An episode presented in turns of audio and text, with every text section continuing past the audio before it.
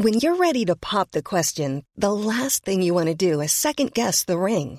At Bluenile.com, you can design a one of a kind ring with the ease and convenience of shopping online. Choose your diamond and setting. When you find the one, you'll get it delivered right to your door. Go to Bluenile.com and use promo code LISTEN to get $50 off your purchase of $500 or more. That's code LISTEN at Bluenile.com for $50 off your purchase.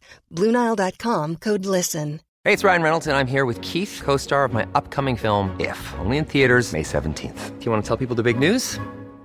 All right, I'll do it. Sign up now and you'll get unlimited for $15 a month in six months of Paramount Plus Essential Plan on us. Mintmobile.com slash switch. Upfront payment of $45 equivalent to $15 per month. Unlimited over 40 gigabytes per month. Face lower speeds. Videos at 480p. Active Mint customers by 531.24 get six months of Paramount Plus Essential Plan. Auto renews after six months. Offer ends May 31st, 2024. Separate Paramount Plus registration required. Terms and conditions apply if rated PG. Full storm mot NRK i en uke før kringkastingssjefen tok ordet. Men kan det komme noe godt ut av NRKs etikkollaps? Og hvordan ville journalistene håndtert møbelhandleren fra Jessheim i dag? Vil de vente til ti år med å avsløre den spektakulære saken som på 80-tallet? Det lurer jeg på. Det gjør jeg òg. Det er ikke sikkert vi får svar, da, fordi eh, vi er jo her aleine i dag, Ja, vi Eva. er det. Vi skulle hatt noen gjester. Ja, De meldte avbud. Fra NRK. Ja, Merkelige greier. Altså virkelig helt uh, i går kveld, altså. Ja, men det har vært mye overtid, da. I det siste. De har jobba mye Det blir, overtid. eh, ja, det, det er jo vern mot sånt, er det ikke Jo, jo, men de Eller kunne sånn- tatt avspaseringen her, Ja, på en måte. kanskje det. Men altså, vi skal i hvert fall snakke om eh, dette uansett. Det blir jo litt sånn NRK-tungt, da. Vi skal både snakke om uh, Ja. Bamsegutt-saken Ja, NRK er i vinden, da. Og makta. Og det er jo sånn eh, himmel og helvete da for NRK. De har liksom fått enormt skryt Ja, for sant, eh, makta, og så ikke så mye skryt for den andre. Ja, sånn er det jo egentlig å operere i mediene også. Det er Mm. ofte opptur og nedtur, da. Og hvis du er en opptur, så må du være klar over at raskt så, Så- kommer det så rives du ned. Ja. Nesten alltid. Men det er jo i tut- og mediekjørland så er det jo også en spektakulær uke. Altså det Ja, så vi blir ikke arbeidsløse med det første. Nei, vi må ansette folk her! Det er jo presseetikk opp og ned i mente. Ja, så jeg har ikke tid til å gjøre noe annet, jeg.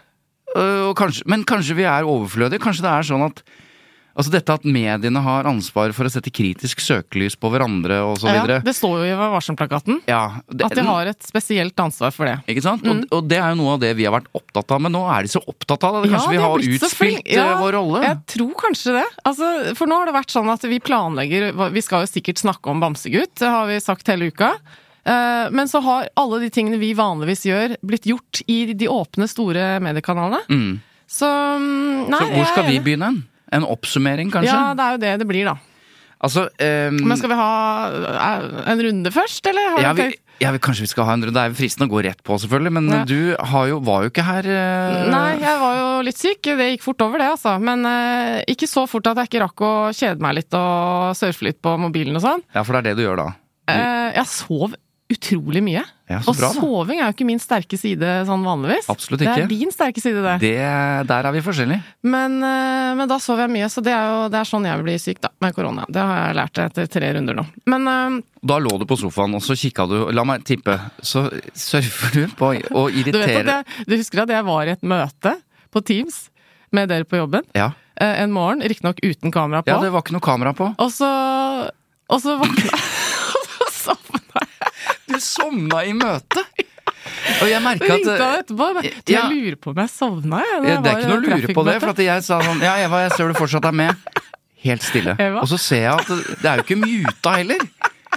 Skal være veldig glad for at du ikke begynte å snorke. Jeg snorker ikke. Ja, ok.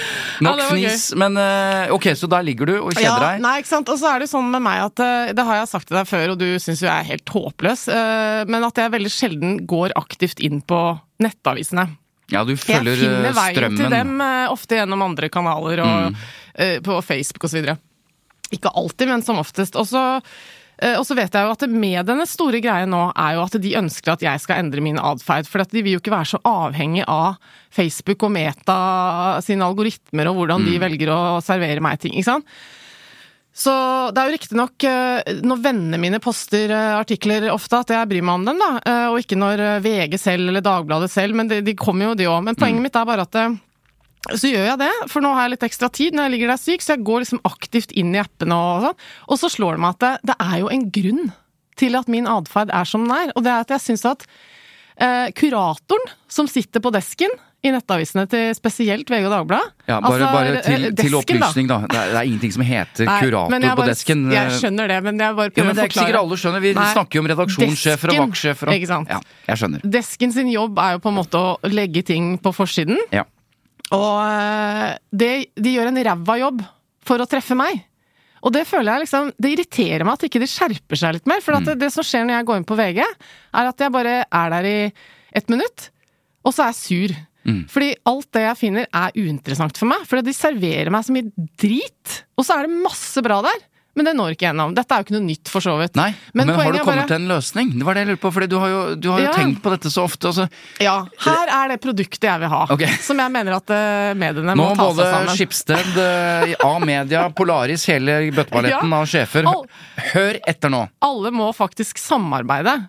Og hver gang vi sier det, for dette har jeg snakka om før, du er jo drittlei at jeg tar opp dette her, eh, og svaret er alltid det går ikke. Nei. Ikke sant? Men eh, i den verden vi lever i nå, forbrukerverden, så er ikke det et svar man kan gi. Forbrukeren har rett. Man Mhm. må liksom finne løsninger.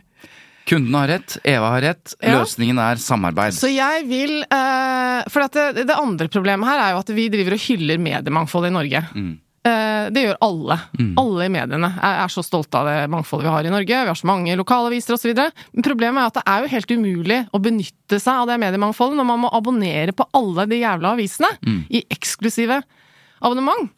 Jeg bruker så mye penger på ting jeg ikke leser. Fordi altså, jeg, Min nisje er jo at jeg stort sett abonnerer på de små avisene fordi jeg vil støtte dem.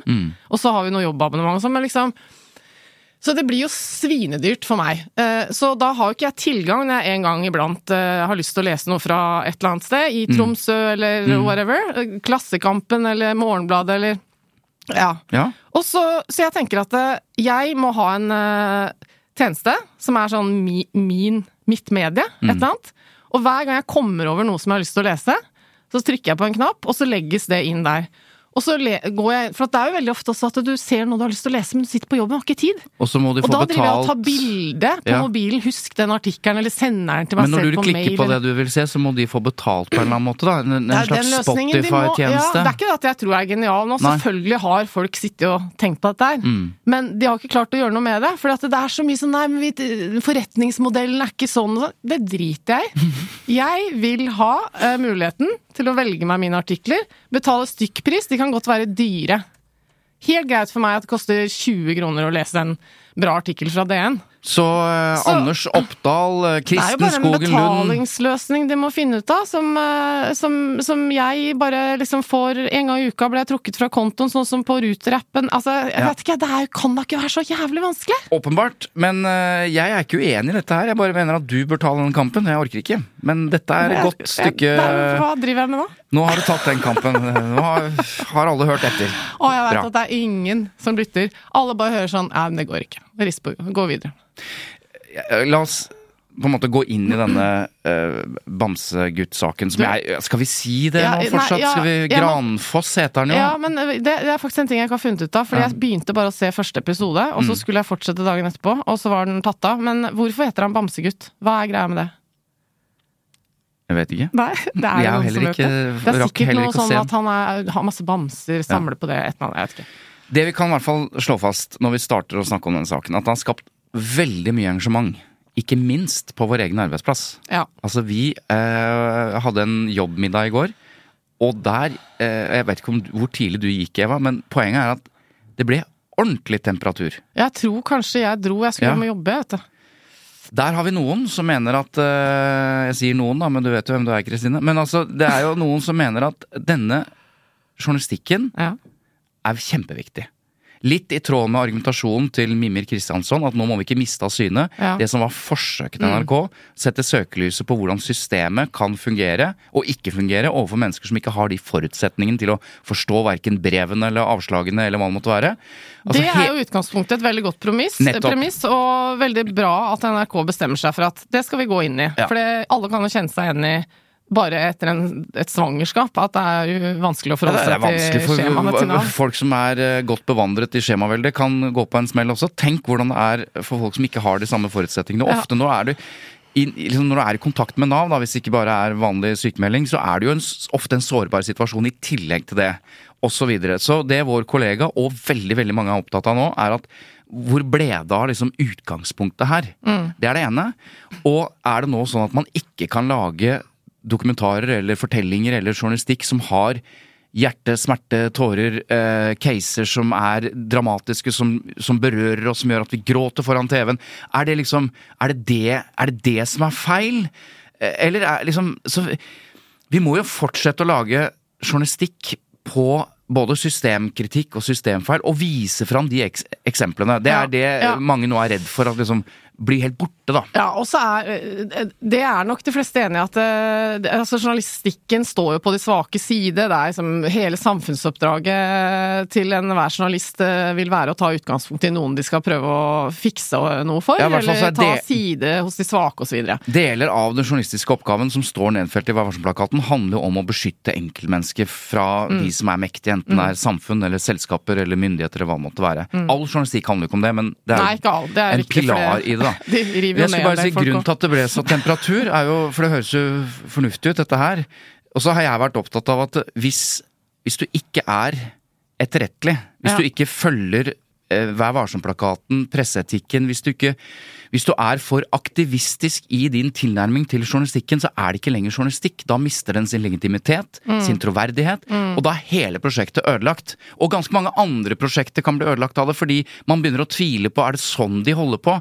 Og så, så er jo det som er liksom det er jo det som har skjedd der, og selvfølgelig med den kardinalfeilen med denne dommen da som ikke ble Ja. nevnt. Jeg prøver å finne akkurat hva det var Tore Strømøy sa. uh, sitter og leiter her. Men ikke sant? For hans poeng var jo at det var viktig å Hva er det han, er sier?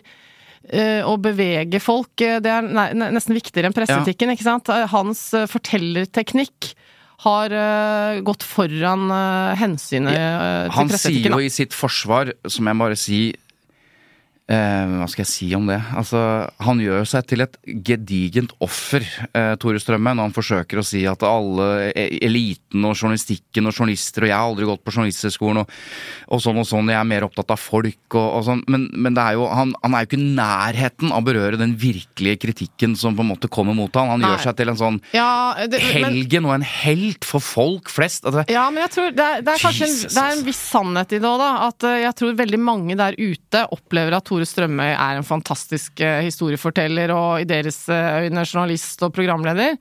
Eh, så det, jeg tror kanskje det oppleves litt sånn elitistisk også, at det, liksom journalistikkens eh, talspersoner og, og vi, jeg vet ikke, vi forstår seg på, holdt jeg på å si, vi, vi syns dette er helt riv ruskende gærent, mens folk egentlig syns Tore Strømøy er helt topp. Ja, det, det, må vi, det må vi ta som utgangspunkt, fordi Ja. han har en enorm oppslutning og har hatt på disse seriene osv. Nettopp fordi han klarer å berøre osv. Det som skjer nå, er Det var er jo på leirbålets tid at De- eh, Tore Strømme hadde sin glanstid. Ja, når ikke alle liksom, satt seg foran liksom fjernsynet. sånne- ja. men, men det som skjer nå, som kan være konsekvensen av dette, det får vi jo se på, da. At det har kommet inn en del eh, anklager og tips og eh, hva skal vi si eh, saker som nå begynner, altså, du begynner å se på ha, denne metodikken han har brukt tidligere. Altså disse hvor han har liksom funnet eh, de, adoptivbarn som har blitt eh, gjenforent med sine biologiske foreldre osv. Mm. Det kommer jo inn tips nå, og TV 2 har allerede lagd en sak så jeg på en uh, adoptivgutt som, som følte at metodene som ble brukt i den serien, var også kritikkverdig, da. Så det er ikke uten omkostninger å gå på en måte helt utenom skal vi si, den journalistiske, etiske løypa som vi bør følge. Men så vil jeg, er enig i at all journalistikk kan ikke være lik. Altså, vi, må jo, vi må jo bruke de virkemidlene vi kan for å fortelle gode historier. Men Men man kan ikke utelate Nei. essensielle Og opplysninger. her, er, her opplever jeg at alle er enige. Alle er enige, men jeg har lyst til å skyte inn at eh, jeg, jeg syns det er mulig å forstå eh, tankerekken som har eh, foregått en stund. Altså, det er mulig å forstå at de tenker sånn Er det for komplisert, eller er det riktig å ha med en dom uh, som involverer så mye folk? Altså, kanskje vi da tråkker på noen andres tær? Og er det ikke sånn at når man har sonet sin eh, sin dom og liksom Mm. eh, tatt sin straff, så, så skal man kunne leve videre. Det er jo en del sånne fornuftige argumenter Absolutt. som kanskje kan ja, inntreffe, da. Ja, det at absolutt forståelig at man stiller de spørsmålene. Ja. Det som er komplett umulig å forstå, er konklusjonen. Det som de har kalt en feilvurdering. Mm. Ja. Men kan vi ikke bare eh, sette litt i perspektiv, Eva? Fordi vi snakket om det før vi eh, Du snakket om ja, denne romkvinnesaken som de nevner osv. Altså, det er ti år siden den Mm. såkalte romkvinnesaken eh, skjedde på NRK. En av de største presseetiske feilvurderingene og overtrampene i Dagsrevyen i moderne tid. Ja. En eh, romkvinne som eh, hadde en datter. som eh, Det ble fortalt en historie og utelatt en veldig viktig opplysning, nemlig at eh, kvinnen selv hadde bidratt til overgrep mot Ja, var datteren osv. hun var dømt for øh, å medvirke til voldtekt av sin egen eh, datter. Ja. Det fikk Det var ingen en øh, svær sak i PFU. ja, Ingen fikk felt. vite det når vi så Dagsrevyen, for da fikk vi denne sympatien for denne romkvinnen. Akkurat som vi selvfølgelig fikk uten sammenligning for øvrig, men allikevel veldig sammenligning for øvrig. Ja, Fordi at det er en veldig likhet mellom disse sakene. ja. Jeg satt i PFU da, men jeg var ikke med å, å behandle akkurat den saken. Så Men- sier da journalisten som lagde den saken, at han gikk i sympatifella, tror jeg var ordet han brukte. Mm, ikke sant? Og det var en stor oppvask. Så tenker NRK, som også har slitt med mange PFU-dommer, og de er jo tilbakevendende, ikke sant? De er de som felles oftest i PFU. Ja, Veldig PFU. ofte så er de på toppen av statistikken. Så de- Det har jo sine naturlige årsaker også, da. Det er et stort Ja, mediehus. Men det ja. er det. Så opprettet de en etikkredaktør. Det er den mannen som heter Mm. Det var en slags eh, konsekvens av den romkvinnesaken. Per Arne Kalbakk, Mm. eh, som vi begge kjenner. eh, som vi også har invitert her, men vi forstår at det var vanskelig å komme. Ja, for det var han som er etikkredaktør, og Marius Lillelien som vel er distriktsdirektør i det området hvor dokumentaren har hatt sitt hjem, da. Ja, de sto på Debatten, håper å si pompel og pilt.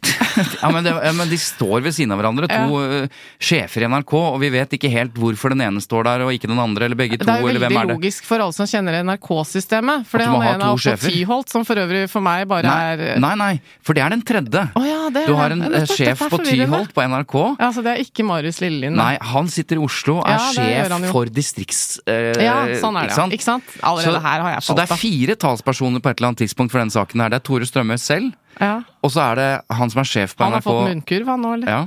Så er det NRKs sjef på Tyholt. Ja. Så er det Marius Lillelien. Og så er det Per Arne Kalbakk, etikkredaktøren. Ja. Så, eh, Og så er det kringkastingssjefen. så er det hun som ikke ville være talsperson, ikke ville uttale seg. Vi kommer tilbake til det, Ja, men jeg skal bare si sånn Romkvinnesaken eh, fødte jo etikkredaktøren Ja. i NRK-systemet. Han fikk den jobben etter den saken. Og Mm. den det, samme- er litt, det er jo litt komisk. Det er litt komisk. Eh, Den samme etikkredaktøren har vært med på å ta disse fundamentale gale avgjørelsene. Hvor eh, hovedargumentet som NRK nå oppgir for å ta serien av, og ikke republisere den, er eh, at en dom som er avgjørende for eh, historien, er utelatt. Mm. Det var forbløffende likt den romkvinnesaken, var det ikke det? Forbløffende likt. Ja. Nå sier NRK riktignok at nå er det bare selvfølgelig den dommen som er utelatt, men nå er også premissene endret, Ja. konteksten er endret, historien har endret på en måte karakter.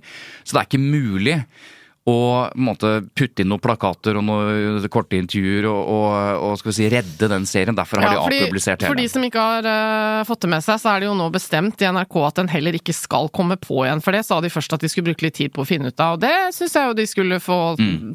bruke litt tid på å finne ut av. Men det de da finner ut av, er jo selvfølgelig at uh, ok, vi kan sikkert legge inn eh, et strekk et eller annet sted i en episode om denne dommen og snakke med et par folk og sånn, men problemet er jo at alle de andre som har stilt opp i hele serien, har kanskje vært i mørket da, når det kommer til dette, og bidratt i en historiefortelling som ikke nødvendigvis eh, er helt sånn som de trodde da de bestemte seg for å stille opp. Så jeg skjønner at det er vanskelig nå for NRK Ja.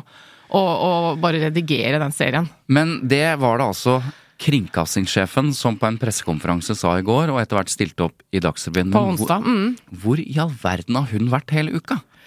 Hun har jo kanskje øvd seg, da. Eller det jeg leste et eller annet sted. Øvd at- seg på å stille opp i Dagsrevyen?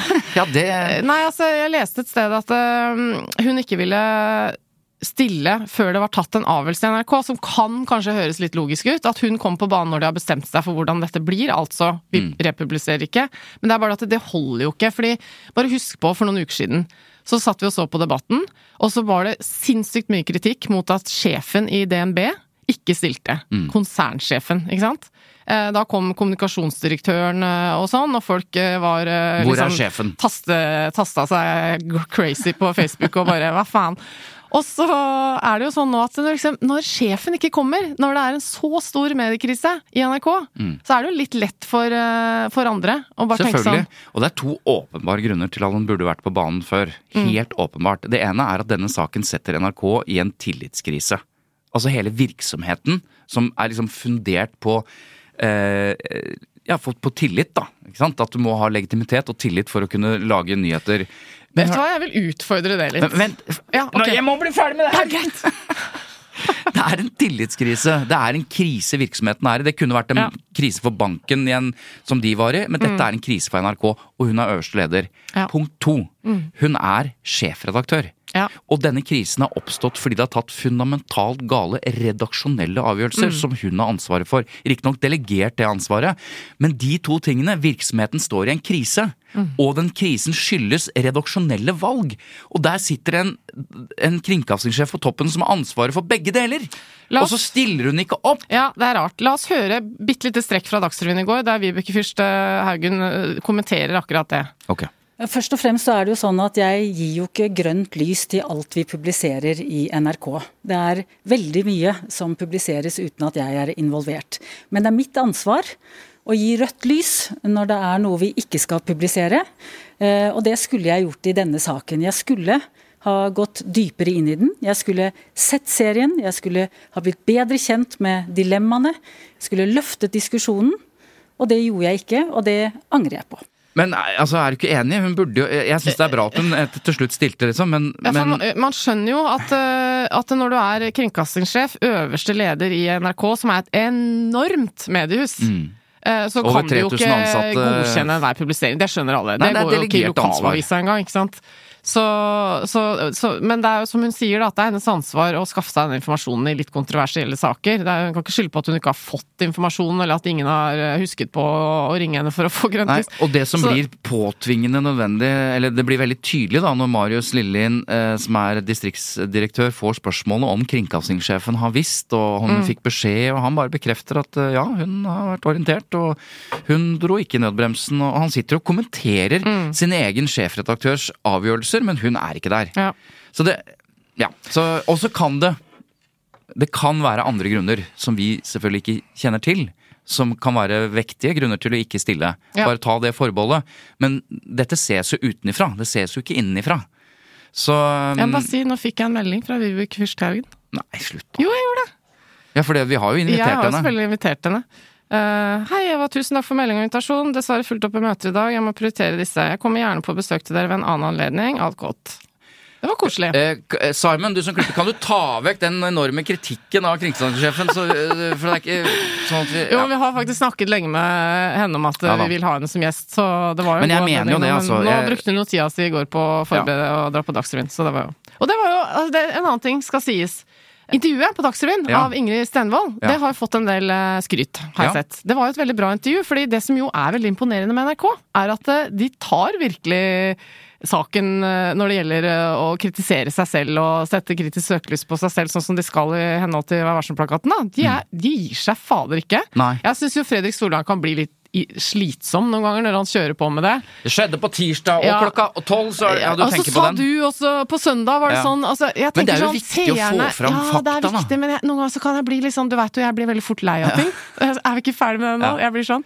Men poenget Så, ditt ja. at, uh, At Ingrid hadde et veldig godt intervju. Mm. Uh, respektfullt og konkrete spørsmål og sånn, men veldig revolver. Eller sånn. Hun ga seg ikke. det, det du kan, ikke sant, det du, Testen er jo hvis du bare bytter ut eh, kringkastingssjefen med DNB-sjefen. Ja. Er det omtrent likt? ja, og det det er vil jeg si at det var. Ja. Mm. Men dette med å eh, Det er jo skryt til mediene og til Aftenposten, som jo var først ute med eh, meningsbærende journalistikk, altså en kommentar fra Kristina Pletten, som Mm. har blitt mye omtalt. Hun var jo i debatten osv. Mm. Det å kritis, og nettavisene har fulgt opp eh, Erik Stefansen osv. Så, videre, så det er ikke noe tvil om at mediene tar jo ikke fem flate øre nå for å virkelig sette hverandre under kritisk søkelys, som jo har vært liksom etterlyst mye, da. Nå, nå, nå skjer jo det kanskje på disse store sakene, burde skjedd i flere saker. Og så har du det at mediene eh, selv eh, dekker seg selv, og da må jo mediehuset eller organisasjonen være stor nok til å gjøre det. Ja, men vet du hva, det det er én utfordring her. Mm. Og det er at uh, vi ikke har et uh, alternativ til programmet Debatten. Mm. Når, det, når det må diskuteres i sånn type debattformat. Eh, noe som handler om NRK. Altså noe, et, et format som er roligere, på en måte? Nei, jeg mener som ikke er på NRK. Å, ja, sånn, ja. vært noe et annet sted. Altså, Mm. TV 2 burde hatt det. Det er liksom bare Debatten som er svaret Ja. på alle store kriser. Før i tiden litt... så var det jo debattprogrammer i flere kanaler. Ja, ja. Det, TV 2 Eh, har hatt masse bra debattprogrammer, men TV Norge hadde jo lønning og staff, og det var liksom stor Så her er mediemangfold. min neste oppfordring da, til alle mediesjefene som nå har blitt oppfordra til å lytte. Det må komme på plass et, eh, til, et tilsvarende program. Det fins noe på liksom, nyhetskanalen og sånn, men det er, jo, det er jo en stor forskjell på å ha en det, debatt altså. på De har en del sånn nyhetskanalen sit-down rundt bordet på ja. Og et sånt stort flaggskip som NRK har. Mm. Men tilbake igjen til NRK som dekker seg selv. ja. Eh, NRK skal også, eh, eller nå da, kommer det noe godt ut av dette? Vel, det viser i hvert fall at selv om NRK tar helt fundamentale gale avgjørelser, Mm. så driver de også god journalistikk. De er jo de som har drevet best journalistikk på saken. Og Ja. det er uvanlig. ja. Eh, Det er rett og slett, og det har vi snakket om før. fordi hvis det skjer noe alvorlig i et mediehus, eller en avis, eller et eh, TV-kanal så, så er, så er det vanlig å legge seg på en sånn NTB-dekning. altså eh, eksempel hvis noe skjer i VG, veldig kritikkverdig, så er det ikke uvanlig at de bruker nyhetsbyrået NTB, som dekker eh, alle saker, Ja. og publiserer de sakene, så de slipper på en måte den, den det er både etiske og, og, og redaksjonelle problematiske dilemmaet ved å dekke sine egne kolleger kolleger osv. Så, så de ja. gjør det. Her har NRK eh, kjørt som om de dekket eh, VG eller TV 2 mot sine egne, og drevet god journalistikk på selve saken. De var det første som, eller i hvert fall i tillegg til Aftenposten, så problematiserte de denne, denne saken eh, veldig tidlig. Har stilt kritiske spørsmål hele veien. Det er også et rart da, paradoks. ikke sant? At det, det er i hvert fall med på å høyne min tillit til NRK. For, for det kan skje feilvurderinger. Men det de har gjort nå dag etter dag, Ja. syns jeg har vært uh, Ja, bra. jeg er veldig enig, og det var det når jeg hadde en innvending mot den tillitskrisen som du kalte det. Det er jo det det er, men jeg bare føler at uh, folk flest antageligvis uh, oppfatter det som en tillitskrise mot noen personer. Jeg vet ikke om det Ja. egentlig rammer NRK som institusjon så hardt som vi skal ha det til, men jeg tror at det er en del som mister tillit til, til noen personers feilvurderinger. Ja, og, det, og hva skjer vanligvis da, hvis dette hadde vært et politisk parti eller en, eh, en, en skal vi si en uh, samfunnsinstitusjon? Uh, Ja, det er jo som regel noen som må gå av da, som konsekvens av en Ja, sånn, og jeg så at Vibeke Fyrst Haugen fikk spørsmålet eh, liksom, ah, ja. Har du vurdert din stilling Ja. Mm. som kringkastingssjef? Og det, det tror jeg ikke så veldig mange har tenkt at vi er der. Nei. Men, men, Men eh, nå har vi jo lært oss til at man trenger ikke å gå av. Man kan jo stå Nei, du kan gjøre hva som helst. politikerkarrieres største krise og likevel fortsatt være partileder. Ja, vil du bli statsminister, eller vil Og Trump har jo lært oss at du kan gjøre hva som helst Null og problem. fortsatt bli president i Men eh, det er jo grunn til å tro at eh, det varsles jo en gjennomgang her. Eh, og det er mulig å lese gjennom linjene her at eh, de som har hatt gjennomgang. Har ikke den vært i all offentlighet nå? Nei, men? NRK skal jo nå gå gjennom dette. Altså Ja. hvordan kunne dette skje? De må Ja, ha en intern Ja. Mm. oppvask her. Eh, og eh, for å si sånn, hadde jeg vært pompel eller pilt, så hadde jeg vært litt usikker på Ja, men det mener jeg. På, på liksom hva som eh, skjer fremover. Fordi det kan jo hende at både internt i NRK så er det et ikke et krav om det, men, men et ønske om at ikke sant? Når du jobber i NRK, så er du stolt av arbeidsplassen din, og dette Ja. er med på å ødelegge noe av det. Så det er jo grunn til å tro at folk som jobber i NRK, det vil si det vet jeg da, for jeg har snakket med noen av de, også er ekstremt opprørt over dette.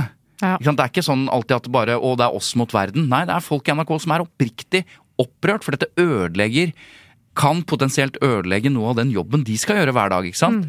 Så jeg tror vi skal se en ganske kraftig eh, liksom, intern oppvask og evaluering av dette. Og jeg tror i- av de som gå. har tatt disse beslutningene, så må man diskutere det åpent. Jeg sier ikke at Per Arne Kalbakk eller Marius Lillen bør gå. Det vil jeg nødig si. Jeg kjenner begge to. Syns de er toppfolk. Ja. Men hvis du har den rollen, så har du et, et ansvar. Du har fått et ansvar, og hvis du viser at du tar fundamentale eh, feilvurderinger, så må man tenke på det, i hvert fall. Ja. Men det jeg tenker på, bare for å For nå har det kanskje vært mye kritikk, da, men eh, og jeg sa jo det at jeg kjenner disse folka eh, sånn relativt eh, godt, da. Hvilke folk? Nei, De vi snakker om nå? Eh, Marius og, og Per Arne. Eh, og jeg vet de er blant dine tusen nærmeste venner? Ja, jeg vil si 10 000 nærmeste. Nei, men altså, jeg kjenner dem. Ja. Og har en viss forutsetning for å kunne si at de ikke er tjukke i huet. ja det, jeg kan bekrefte det. Det kan bekrefte Ja. det. Så det, er, det som er litt interessant, det er når hele Presse-Norge og Stefansen og Pletten og alle andre og lederartikler og alt mulig, vi er enige om at dette var feilvurdering. Men så tenker jeg sånn men det kunne vært omvendt. Det kunne vært Stefansen som sto der, og det kunne vært Pletten kanskje, og det kunne vært eh, oss og så videre. Fordi det er jo sånn at dette er oppegående mennesker Ja. som tar redaksjonelle avgjørelser hver dag. Vi, tar jo, vi gjør jo feil, alle mann, Ja, iblant. men- men- men det er bare at det har vært litt alvorlige konsekvenser her. Ja, men, men bare vær med på deres mange. Altså, dette er eh, folk som vet hva de holder på med. Ja. Eh, de har tatt masse riktige avgjørelser, stort sett riktige avgjørelser. De har lang erfaring i dette. Det som er interessant, som jeg egentlig ikke har kommet helt til bunns i Ja, for det er lett å si at det er en feilvurdering, og du kan til og med si at dette bør du gå av for og sånn, men hvordan skjer det når menneskene er fullt i stand til å ta riktige avgjørelser? Ja. De har erfaring, de har ryggmargsrefleks, de er smarte folk. Men så skjer det likevel! Ja, fordi det som er litt interessant, er jo egentlig hvordan er det beslutninger og ansvar blir fordelt i det store NRK-systemet?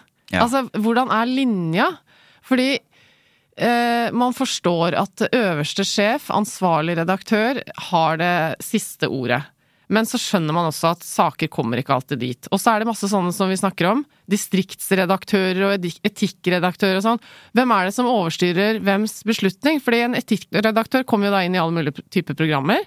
Og jeg lurer på, har han eh, mandat til å overstyre en annen redaktørs eh, beslutning? Og bare si dette blir nei, det er rødt lys. Ja. Sånne ting. Ja. Og jeg tror i NRK så er det litt utydelig for de som jobber der òg, vil jeg tippe. Jeg vet ikke, men det er i hvert fall et enormt system med mange linjer, og de har jo forsøkt å nettopp bøte på dette ved å ha egne redaktører som skal gå inn i vanskelige etiske Ja. problemstillinger, som Men han er skal. jo inne i programmet, Per Arne Kaddelbakk her, ikke sant. Ja. Riktignok, da, det må også sies at det er jo ikke vanligvis så greit å sitte og diskutere et program som man ikke har sett. Det får man jo kjeft for noen ganger. Ja. Men akkurat nå er det jo tatt av, så sånn er nå Ja, vi får ikke, får ikke sett det, vi tar det forbeholdet.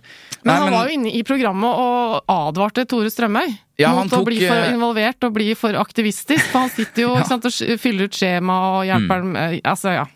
Han tok en uh, god avgjørelse da han uh, bestemte at uh, Tore Strømme ikke kan drive innsamlingsaksjon og være journalist samtidig. Det er jo riktig. ja. Men spørsmålet mitt i utgangspunktet var hvordan kan folk som er gode nok til den jobben, allikevel ta den type avgjørelser? Det er der vi det er der jeg føler vi liksom ikke vi, vi, Hvordan skjer dette? Og da må jeg, tenker jeg sånn Etter Baneheia-saken så har evalueringspunktet vært vi må ha i redaksjonen en djevelens advokat. Vi må ha noen som stiller liksom, de andre spørsmålene og sier vent nå litt. Er vi nå så sikre på det her? Ikke sant? Den motstemmen har åpenbart ikke vært der, eller vært til stede i NRK. Og der tror jeg vi nærmer oss forklaringen. Når du går inn i en, i en modus, da, eller en, du lager et program, dette har tatt flere, liksom, over et år osv. Fire år har de jobba med det. Ja, altså, det har tatt lang tid. Du har lagt mye i dette. Og når du går den veien der og prøver å fortelle redaktøren din, eller journalisten forteller redaktøren, og redaktøren forteller kringkastingssjefen at nei, vi har, tatt, vi har vurdert dette nøye, vi har tatt noen avgjørelser her, vi tror det holder, osv. Så, videre. så da har du lulla deg inn i et eller annet som du ikke kommer ut av. Som i Romkvinnesaken, da journalisten sa 'gått i sympatifella', kom ikke ut igjen. Det å få dette, liksom, denne, denne retningen da, som du ikke kommer ut av, selv om du er smart og du har erfaring osv., mm. da er vi tilbake igjen til hvem er det som på utsiden sier sånn Hvem er det som kunne vært Erik Stefansen og Kristina Pletten i, i redaksjonen og sa Nei, men hallo! Dette går jo ikke! Altså, Nei, det skal jo være etikkredaktøren, da. Vil jeg. Det vil være mitt svar. ja, men han er for involvert. Ja. Det er jo, han er for involvert. Det er ikke nok motstemmer der. Nei. Men Det- han er jo ikke Altså, det er jo det som er med å ha en etikkredaktør. Ja at, uh, Det er derfor de skal se på denne rollen. De, de må se han er ikke involvert i produksjonen, eller Nei, annet denne, enn som etikkredaktør. eh, I denne situasjonen så har han eh, Nå skulle vi gjerne hatt han her, da, som Ja, kunne snakket om det. Men er også, nå stiller vi masse spørsmål som vi ikke får svar på, men nå har jo Vibeke Fyrst Haugen sagt at hun kommer. ja. Så da kan vi stille alle de Ikke nå, ikke etterpå. Nei, nei, men altså snart. Så okay, nå må hun stille. så- Men du, før vi forlater saken, Ja. eh, bare kjapt innom liksom, hva er de presseetiske, problematiske punktene, bare sånn kjapt med Bamsegutt? Eh, la oss bare eh, Mm. tenke høyt. For det, det er jo ikke bare det med en dom som er utelatt, det er jo også omtalen av barn. Altså det er en sønn her, jeg kom ikke til den episoden, Nei. men um, dette paret som bor i, på Filippinene har jo en sønn som er 14 eller Ja, 16 Ja, tenåringssønn, ja. Mm. Og han uh, har jo ikke fått noe særlig beskyttelse, for så vidt jeg har skjønt så var han identifisert, så det er problematisk. Ja, og, og utelate informasjon, viktig informasjon, er jo dypt uh, problematisk. Eh, Det handler også om uh, balanse og kritisk til valg av kilder og ensretting osv. Ja, så er det dette punktet i kapittel to. Redaktøren og den enkelte redaksjonelle medarbeider skal verne om sin uavhengighet, integritet og troverdighet. Ikke sant? Det, det er jo? Det er noe av det som jeg syns er i, I tillegg til de feilvurderingene om utelate ekstremt viktig informasjon. Uh, Unngå dobbeltroller, verv, oppdrag eller er bindinger som denne- kan skape interessekonflikter. Er- Han luller seg jo litt inn i dette Strømøy, da. dette aktivistgenet hans, som på en måte ikke er helt forenlig kanskje da med, med journalistikken. Og så er det det punkt 2-3, som også er i kapittel 2, da, uh, om å vise åpenhet om bakenforliggende forhold som handler om Mm. dommen, blant annet. Da. Ikke sant? At det, du forteller ikke alt som er relevant for saken. Det, det er bare helt til slutt, det reagerer også litt på her, når du av hensyn til de som den gang var barn, da, nå voksne, som var ofre for overgrepene hans, så tenkte de at uh, hvis vi tar med denne saken, så kan det være en belastning for dem igjen. De får revet opp dette. Ja, for de hadde jo dialog med alle sammen. Ja, Men det er, det er noe annet som de ikke har tenkt på når de tar den avgjørelsen om å ikke ta med den dommen. Og det er det som skjer av og til når voldsdømte er på TV. Altså, Grunnen til at de har hatt utfordringer med dette i reality-programmet, eksempel, er at det sitter mennesker som er ofre for grov vold, og ser sin overgriper på TV. Så akkurat det, det liksom og det er jo det de har reagert på også, at de får fremst, han fremstilles som et, som et offer, eh, som det er noen vi skal ha synd på, hele Norge starter innsamling og aksjon, og så sitter ofrene der og ser sin overgriper.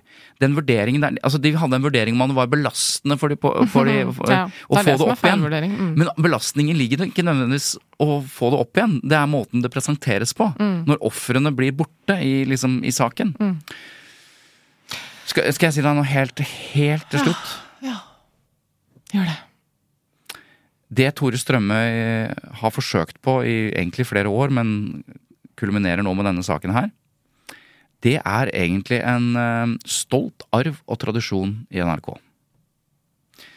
Fordi den rollen Tore Strømme prøver å spille, og den blandingen av emosjonelt eget engasjement, aktivistrollen, innsamling, vi skal redde, vi skal liksom gå inn Vet du hvem som Ingen problematiserte da han, denne fyren jeg nå snakker om, om, nå håper gjorde det. å komme frem til svaret.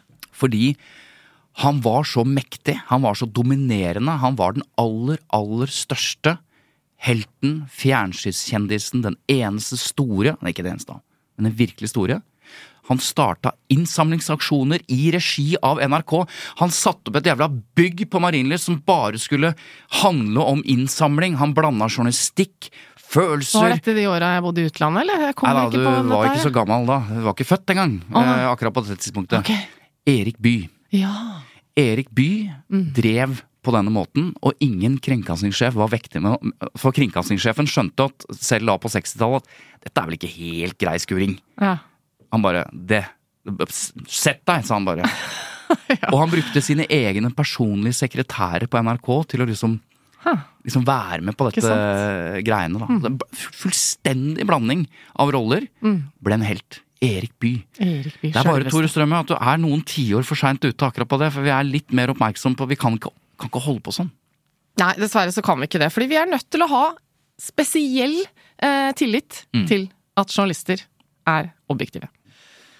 Men Svein Tore, Ja. du eh, har jo lyst til å snakke om makta igjen, du. Det er klart jeg altså, har. Du, du får ikke nok, du, av denne makta. Du elsker Nei, makt. Jeg, det gjør jeg også. Eh, Men eh, jeg må bare fortelle før vi går inn i møbelhandlerkomplekset og hvordan det hadde blitt håndtert i dag, så må jeg bare si Når jeg sitter og ser på Makta, Ja. og alle snakker om det, Ja. og jeg begynner å lese bøkene på nytt osv., og, så og så går jeg altså ut fra et lokale i Oslo i går kveld. Vet du hvem som kommer ruslende? Ehm, Gro Harlem Brundtland. skuespilleren Gro Harlem Brundtland, da, eller? Ja, eller skuespilleren Katrine Thorborg Johansen. Ja, ikke som spiller sant? Gro Harlem. Og når du er så inne i dette som mange av oss er, da, Ble du starstruck? Ja, på, på en måte, hvis det er riktig begrep. Altså, jeg ble i hvert fall paff. Ja. Eh, og så var hun sammen med noen jeg kjenner, så Ja. de stoppet opp. Og så begynte vi å prate da, om politikk og alt mulig. Så kommer kollegaene våre ut. Og de blir enda mer starstruck, så de blir helt sånn Der er jo Gro! Der er makta! Ja, det var veldig, veldig Dette gikk jeg glipp av. Mm. Så, men i hvert fall. Eh, møbelhandleren fra Jessheim. Ja, Det altså, er en er det mulig? presseetisk ekstremt liksom, komplisert eh, knute, det som også vi ser i makta. Ja, fordi møbelhandler Arvid Engen Ja. eh, sitter på Jessheim, har en butikk som tilsynelatende ikke selger så mye greier. Ja, han holder påstår på at det er mye folk i Og så men har en masse samtaler med spesielt Reiulf Steen, og bruker det som kilde, eller altså, som informasjon som han gir til journalister. Ja. Og han driver og tar opp dette her, og jeg har hørt at eh, de, de opptakene, det opptaksutstyret, det var det en journalist som skaffa, tror jeg. Å, Syns jeg har hørt det. Ja. Hvem da? Nei, det Ja, det er riktig. Altså, det er to ting her. Han, han har reelle samtaler som har uh, stor betydning for arbeid, hvordan Arbeiderpartiet og sentrale skikkelser i fagbevegelsen, altså LO-lederen og, og, og Arbeiderpartiets leder, da, hva de mener om hvem, og spesielt hva de mener om Gro. ikke sant? At hun er ambisjonen overgår fullstendig hennes evner som politiker og sånn. Ja. Og så, så han har disse samtalene, for han Men ønsker jo liksom hvor lenge foregår dette her? Over lang Ti år? tid. Nei, altså, ja, altså jeg husker ikke hvor, over hvor lang tid, men over flere år. Ja, Og det tar ti år før det blir kjent, eller? Det tar minst ti år før dette blir avslørt i boka til Pål Jørgensen og Viggo Jansen som heter Edderkoppen. Eller rett før, da. Um, Men poenget er at ikke bare har han disse samtalene som i seg selv er rart, at en møbelhandler fra Jessheim plutselig får ganske stor innflytelse i hvordan liksom, eh, sentrale maktpersoner, eh, hva de mener og hva de gjør, og han gir råd, og han redder Eifel Steen fra Ja, for at det, det etableres et begrep liksom, som vi alle kjenner ganske godt nå, at sentrale kilder i partiet sier. Ja, og det er da stort sett Eifel Steen. Ja, og det viser seg da å være informasjonen de får fra Ja. møbelhandleren. Så, så disse samtalene er nå én ting, at han har en innflytelse som, som en sånn edderkopp og nav i dette, denne maktkampen. Men han tar opp samtalene på bånd. Og så spiller han av samtalene for journalister. Blant annet en som vi møter i makta, da, ikke sant? Per Vassbotten, som jobbet i Dagbladet og, Og også NRK, NRK. Og nå Oddvar Nordli får vite dette, altså han som er statsminister, som endelig skjønner at det er Reiulf Steen som har gjort det, så ansetter han journalisten som Smart, statssekretær. Det er altså Veldig smart. Den svingdøra, den har eksistert lenge, den. Absolutt. Men så er poenget. Ja. Det er jo noen kilder, altså Journalistene melker jo Arvid Engen, eller omvendt, da, men de har et kildeforhold. Og da oppstår det et, eh, en Det sånn kildebeskyttelse. Ja, Ja. men det er en kildebeskyttelse eh, som journalistene er opptatt av. ikke sant? Kildevernet. Kildevernet. Ja. Så Hva det er kildevernet? jo. Nei, det er veldig enkelt fortalt at hvis du inngår en avtale med en kilde om at du er min kilde, jeg skal ikke røpe deg jeg, om jeg, så, jeg skal gå i grava før jeg gjør det. Altså, Og hvis politiet banker på døra og prøver å ransake lokalene våre, så Ja. trenger ikke jeg å gi dette eh, kildevernet er helt sånn grunnleggende journalistikken. Og, Og grunnen til det Ja. er jo at uh, hvis man begynner å blåse kilder i øst og vest, Mm. så vil man jo miste tilfanget til kilder. Det er en av grunnene, sett fra et journalistisk ståsted, hvorfor dette er så viktig. Da kan man ikke stole på journalister. Hvis, hvis du liksom går til en journalist med en veldig viktig sak, og så sier de ja, jeg skal beskytte deg, og du har kildevern, Mm. og så blåser du kilden etterpå, da vil jo andre tenke at det der går ikke. Da kommer jeg ikke til å si noen ting. Men vent nå litt. Vi hadde jo en sak for litt siden Ja. som handlet litt om det. Som Ja. vi snakket om her. Ja. Jossimar, fotballmagasinet, eh, skrev om eh, en sak om var det kvinnefotball. ja. eh, hvor de hadde en eh, Sentral kilde. sentral kilde som uh, babla om et eller annet. Ja. Og så eh, kom fotball... Hvem var det igjen? Jo, Fotballpresidenten? Jo, altså eh, det viste seg at kilden var jo sjefen sjøl i Fotballforbundet. Ja. Som offentlig, før det ble kjent at han var kilde, kritiserte Josimar og fortalte en annen historie enn den han hadde fortalt til Josimar. Han var kilden! Han var Og selve så gikk kilden. han ut og kritiserte saken etterpå. ja, ja. ja. Det er jo helt spinnvilt! Ja, da sa Håvard Melnes, som var Han er jo en eh, Skal vi si, han er jo en type Kontroversiell redaktør, type, kan men man han bestemmer selv, han. si. Så han bestemte seg for at det gidder jeg ikke å Nei, se på. ikke fader. Så han blåste den kilden. Og da ble det rabalder, for da var alle presseorganisasjonene på Ja, ja, for det kildevern og, og, og liksom prinsipper rundt det er så viktig.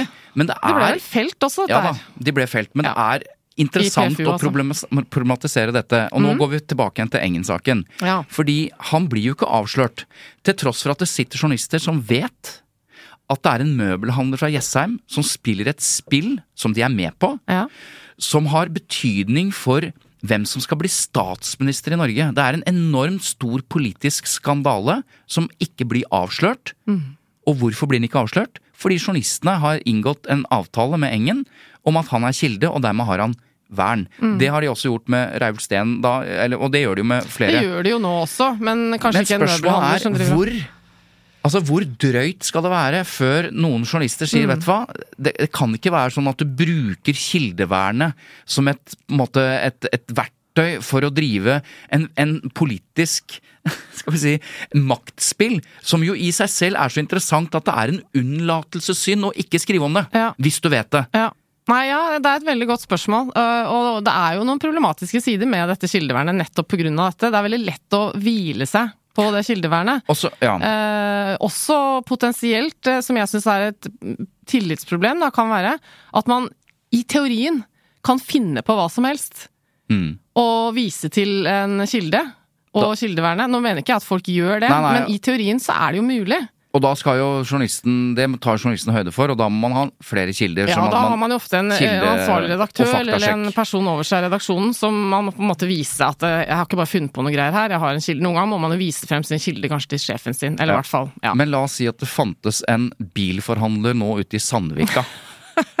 som, I Asker. som satt og, og snakket med Jonas Gahr Støre jevnlig. Ja. Og tok opp, Det kan godt hende. og tok opp samtalene på bånd. Eller en journalist som bare snakker direkte. Nettopp. Men la oss si det er denne bilhandleren som snakker med Jonas Gahr Støre. Ja.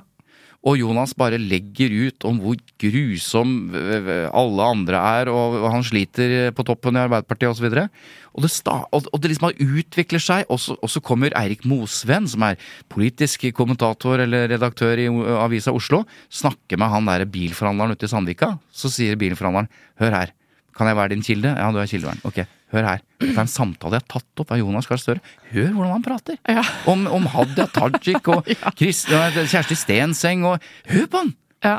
Dette, altså, alt det som kom fram i denne saken i Arbeiderpartiet i Trond Giskes, eh, hva skal jeg si, eh, topptid, eh, med Bar Vulkan og sånn, da var det jo uh, veldig tydelig at det var mye folk i Arbeiderpartiet som snakka, men de snakka jo med journalister. Mm. Det var ikke et mellomledd Nei. som ble holdt skjult på den måten. Det var ikke en eh, møbelhandler som var inne i bildet, i hvert fall så, Så vidt vi vet. Men det som spiller inn her i presseetikken, er jo det punktet som veldig ofte omtales. 3-2. Vær kritisk i valget av kilder, og kontrollere at opplysningene som gis eh, er korrekte osv. God presseskikk og tilstrebe bredde og relevans til kilder. fordi du må jo selvfølgelig som journalist, hvis du har en sånn kilde, være ekstremt varsom med liksom Ok, dette mennesket har en agenda. Mm. Jeg må prøve å få litt motstridende informasjon, eller kontrollere at ikke jeg bare blir brukt her. Men så er min konklusjon så langt at når alle pressetoppene og øh, PFU og generalsekretær opp og ned mente og for en alt mulig sier Mm. at kildevernet er hellig, 100% ikke mulig. Bare glem det. Alt annet er liksom vil ikke høre. Hold for øra. Så vil jeg si at hvis det kommer en sak, hvis journalister kommer i en sak som møbelhandlersaken i dag, Ja. eller eh, Josimar-saken eh, ganger to, hvor det er hvor man bruker kildevernet bevisst til å gjøre ting, si ting, eh, lage skandaler som er, og saker som i seg selv er så viktig at det er en unnlatelsessynd å fortelle om det, så mener jeg du kan gjøre en vurdering at dette, det, dette kan jeg ikke som journalist sitte og se på. Jeg har, I tillegg til å ha et kildevern eh, og være opptatt av det, så har jeg en forpliktelse overfor det norske folk å fortelle om denne saken. Så nå bestemmer jeg meg. Jeg bryter kildevernet. Jeg publiserer den saken her. Så får du kjempekjeft av alle pressetopper osv. Og, så videre. og så her kommer poenget. Så forklarer du etterpå. Ja, grunnen til at jeg i denne ekstremsituasjonen valgte å gjøre det, var på grunn av det. Det var en vurdering jeg gjorde. Ja, ja, det var Det jo sånn betyr- det var i Det Josimar-saken, egentlig, da. ja, og det betyr at hvis jeg vil da være kilde til han journalisten, så kan jeg fortsatt tenke på at ja, jeg har jo ikke tenkt å misbruke kildevern og være Ja, helt idiot. Altså, du mener det er innafor å gjøre det en gang iblant. forklare Men hvorfor man de gjør som man er gjør. uenige med det, mener at uh, det er en prinsippsak. Vi kan ikke bryte den, for da blir det rørete, da. Ja, Det er jo det sett, de mener. sett det mennesket her, skal jeg diskutere med hvem som helst på det greiene her. Jeg mener Men det. det, ja, det er en ting jeg lurer på, dette vet sikkert du mer om.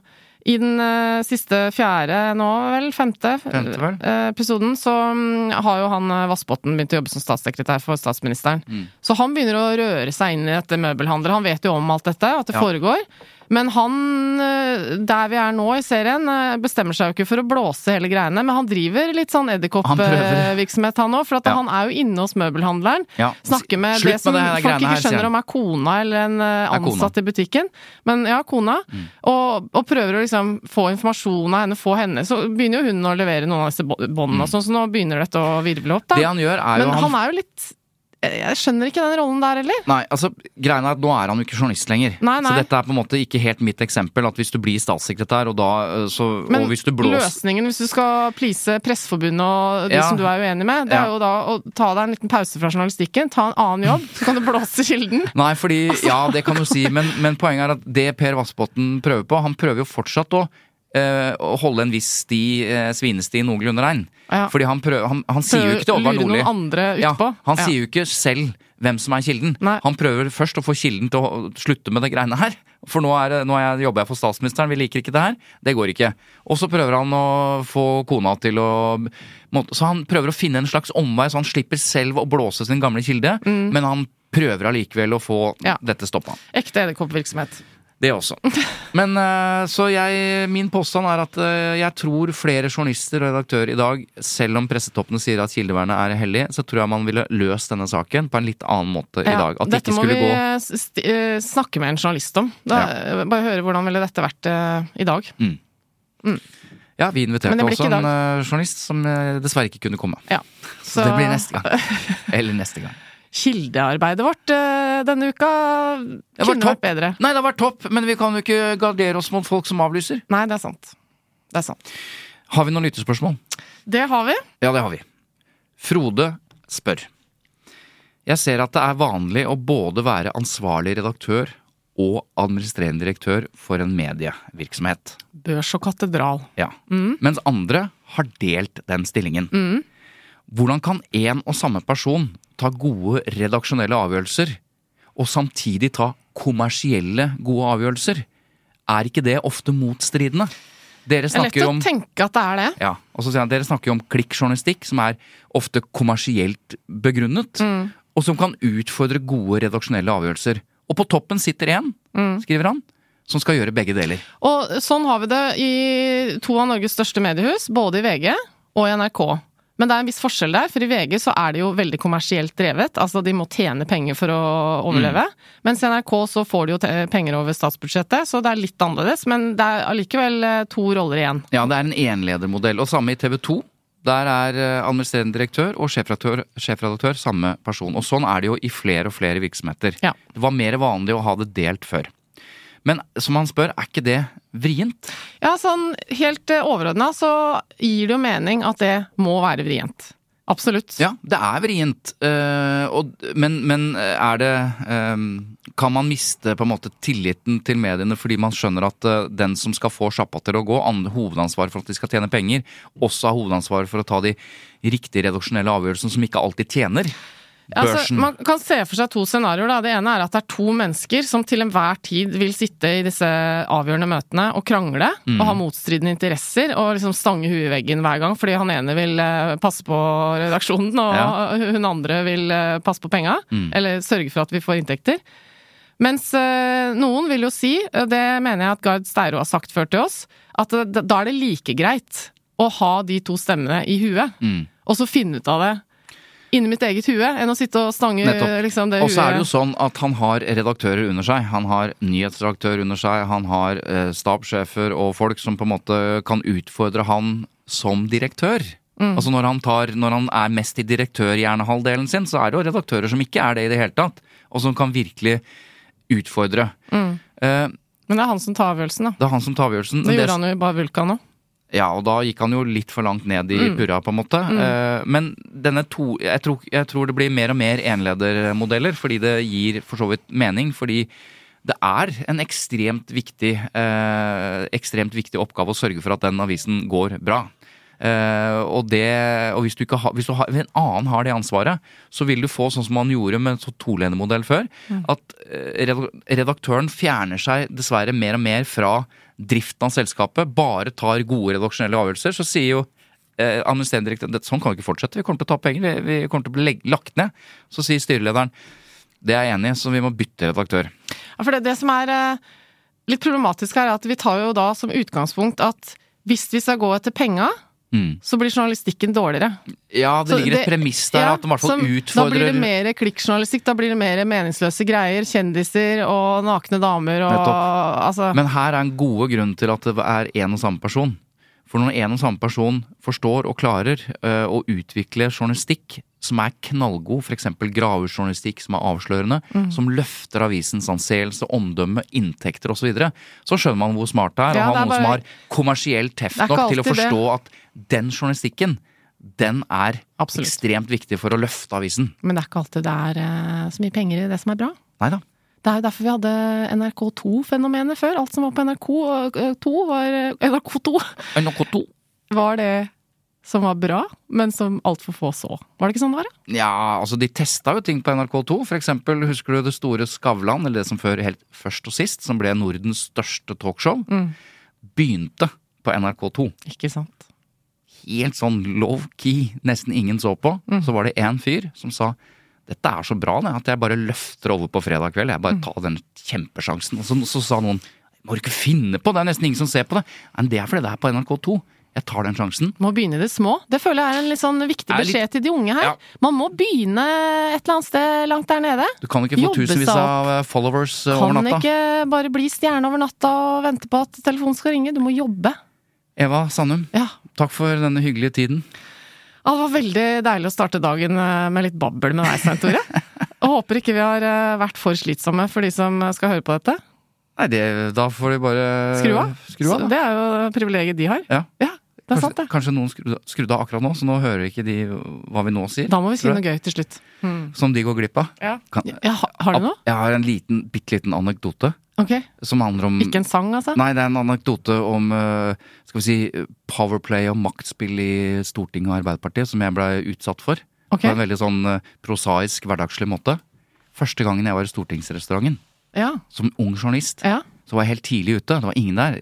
Kollegaen min og jeg, Arne Sandvik, vi satte oss på det første ledige bordet. Og det var feil bord, jeg, Det må du ikke gjøre. Vi satte oss på det første bordet, og så kom det høyre folk først, sånn som bare så veldig rart på oss. Ja, Bare rista på Ja. huet og forlo. Og så øh, kom det etter hvert flere, og bare, vi fikk så mange rare blikk. Så kommer Martin Kolberg. Åh, du hadde satt deg på Martin Kolberg sin stol, ja. Det er altså sånn at i stortingsrestauranten og hele Stortinget er bygd opp sånn. De største partiene har de største rommene, de største kontorene og det største bordet Ja. først ved restauranten. Ja. Vi hadde satt oss på Arbeiderpartiets bord. Så kommer Martin, og så kommer Martin, og dette er lenge før liksom, Ja. jeg ble kjent på han. Kommer Martin Kolberg, setter ned brettet. Jaså, gutter? Og da går det opp for oss at vi har virkelig driti oss ut. Ja, men bare bli sittende dere. Jeg setter meg ned her sammen med dere. Åh. Veldig hyggelig, da. Men Ja. det var sånn Han ble jo sånn Hva er det som foregår her? Så der startet eh, deres vennskap. Det er noe med å bryte sånne Bryte isen. Jeg kjenner den, eh, den situasjonen helt fra da jeg var lærer, eller jobba som lærervikar. Akkurat det samme skjedde på lærerværelset. Ikke sant? Jeg setter meg ned eh, når vi skal spise lunsj, på feil bord. Og det var de der gamle grinebiterne og noen Ja. lærere som hadde vært der i 100 år. Det er ikke greit. Det var rett og slett helt feil. Ja ja, men da De som slo av, da. De fikk jo ikke den, eh, den historien. Nei, det gjorde de Så ikke. man må alltid vite at Men må dere aldri finne på å slå fortsatt er her med oss, det, dere skal ha Nå fikk dere en liten uh, sukkerbit der. Takk til Lyder Produksjoner som produserer Tut og Mediekjør. Takk til deg, Svein Tore Bergestuen. Takk til deg, Eva Sandum. Og takk til dere som hører på. Og eh, tips en venn om podkasten hvis du gidder. Spre ordet. Så høres vi igjen neste uke. Det gjør vi. An- Antakeligvis. Antakeligvis. Hvis ikke jeg blir sjuk. Ja, vi får se. ha det. Ha det.